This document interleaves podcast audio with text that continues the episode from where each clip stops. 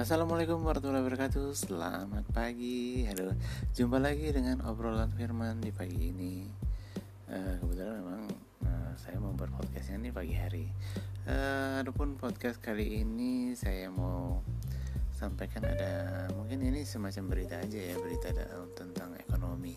Ekonomi di mana di tengah pandemi COVID-19 ini Banyak sekali hal-hal uh, yang terkait ekonomi yang memberitakan bahwa ekonomi kita ini sih agak terpuruk ya di mana para uh, usahawan-usahawan perusahaan-perusahaan banyak yang ber apa bergelimpangan bergelimpangan dan bahkan ada yang sudah uh, melakukan PHK PHK PHK terhadap karyawan juga terhadap uh, apa namanya merumahkan sementara dan banyak lagi yang teman-teman kehilangan pekerjaan uh, di tengah pandemi ini pemerintah juga berusaha untuk uh, ik, uh, apa terus untuk mempertahankan dan kembali memulihkan ekonomi. Uh, uh, ada info sedikit kemarin tadi saya baca-baca Twitter pada pagi hari ini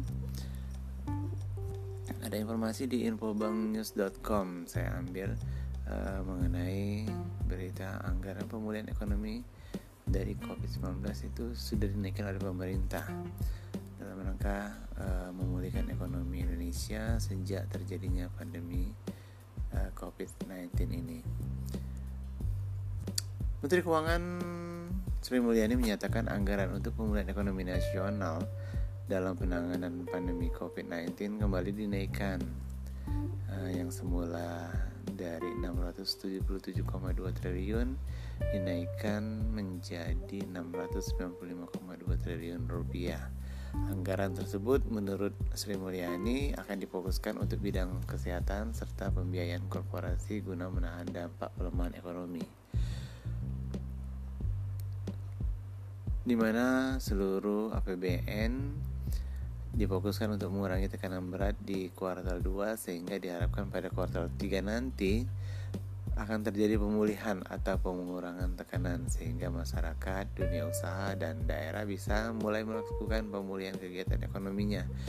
E, menurut Sri Mulyani lagi yang kemarin itu dia disampaikannya pada saat video conference e, mengenai APBN negara di Jakarta e, pada hari Selasa. Lebih rinci juga, Sri Mulyani juga menyatakan bahwa anggaran tersebut akan digunakan untuk bidang kesehatan uh, yang sudah dinaikkan menjadi 87,55 triliun rupiah dari awalnya itu cuma 75 triliun rupiah.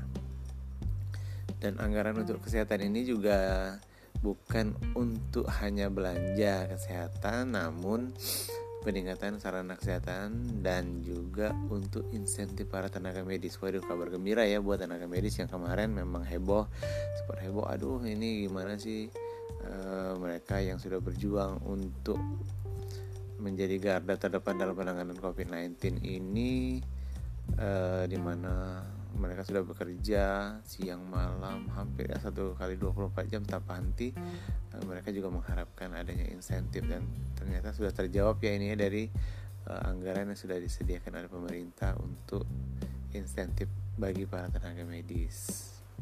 Sementara itu juga Sri Mulyani juga menyatakan bahwa untuk pembiayaan korporasi juga dinaikkan dari yang semula hanya 44,57 triliun menjadi 53,57 triliun.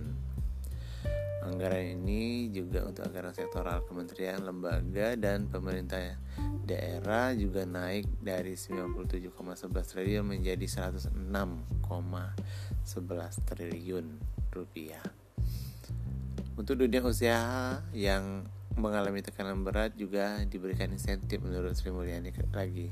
Pemerintah akan memberikan insentif bagi dunia usaha dan usaha mikro kecil dan menengah atau UMKM yang dialokasikan sebesar 120,61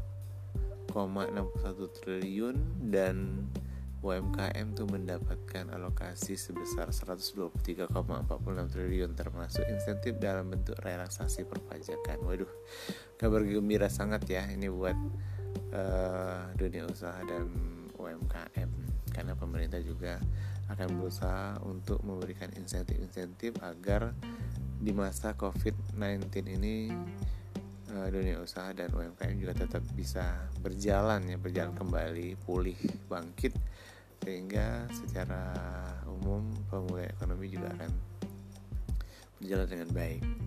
Di samping itu juga Sri Mulyani menyatakan bahwa anggaran untuk perlindungan sosial juga telah dialokasikan pemerintah yakni sebesar 203,9 triliun di mana anggaran ini sebenarnya tidak mengalami perubahan.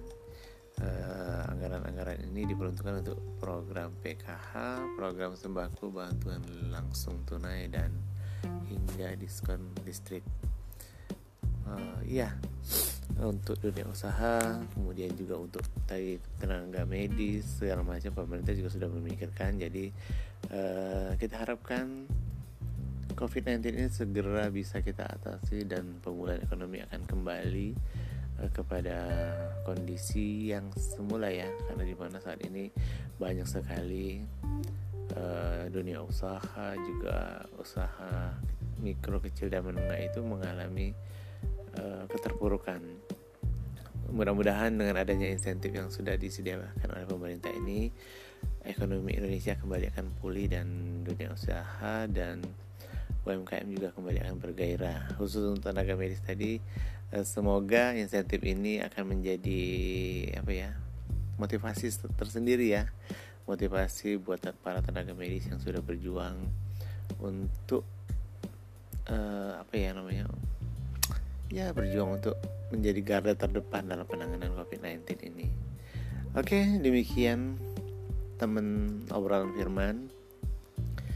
Uh, Obrolan Firman pagi ini menyampaikan sekilas info mengenai pemulihan ekonomi yang apa ya pemulihan ekonomi yang sudah disediakan oleh pemerintah dan kita semua berdoa untuk pemulihan ekonomi Indonesia. Semoga segera bangkit dan kita juga segera bisa mengawan eh, apa maksudnya mengatasi corona ini. Dan demikian salam sehat salam uh, apa ya salam ceria selalu lah makanya terima kasih. Wassalamualaikum warahmatullahi wabarakatuh. Siap